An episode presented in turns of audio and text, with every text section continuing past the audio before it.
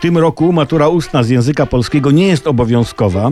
Przystąpią do niej uczniowie, którzy muszą przedstawić wyniki matury ustnej na uczelni zagranicznej. I dla tej trójki, właśnie z moim synem Janem, opracowaliśmy metodę na zdanie tego egzaminu, kiedy trafisz na pytanie z lektury, o której nie masz rozmytego pojęcia. Przede wszystkim mów o samym pytaniu, pochwal je.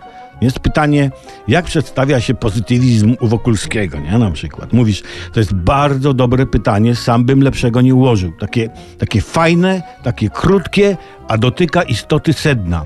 Lepszego pytania w życiu nie słyszałem. Myślę, że esencją tego pytania jest to, że każdy utwór literacki, nie wiem czy Państwo zauważyli, tu się do komisji zwracasz, ociera się w taki czy inny sposób o życie.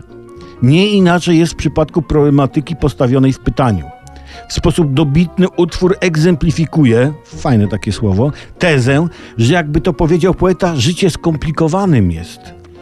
Przejdźmy może do konkretów. I tu przechodzisz do tematu, który znasz. Mówiąc o przejawach pozytywizmu u Wokulskiego, nie sposób pominąć, że prawdziwym problemem jest tu rola tradycji w panu Tadeuszu.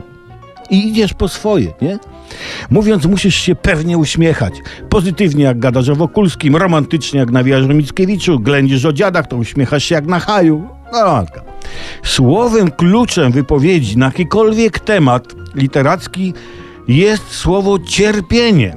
Tu nie spudłujesz, bo w każdym dziele polskim jest o cierpieniu. Prawdziwym, urojonym, ale jest. Z taką wiedzą, taką wiedzą, jak ci przekazuję tutaj, nawet jak nie zdasz, to przynajmniej w jakimś stylu.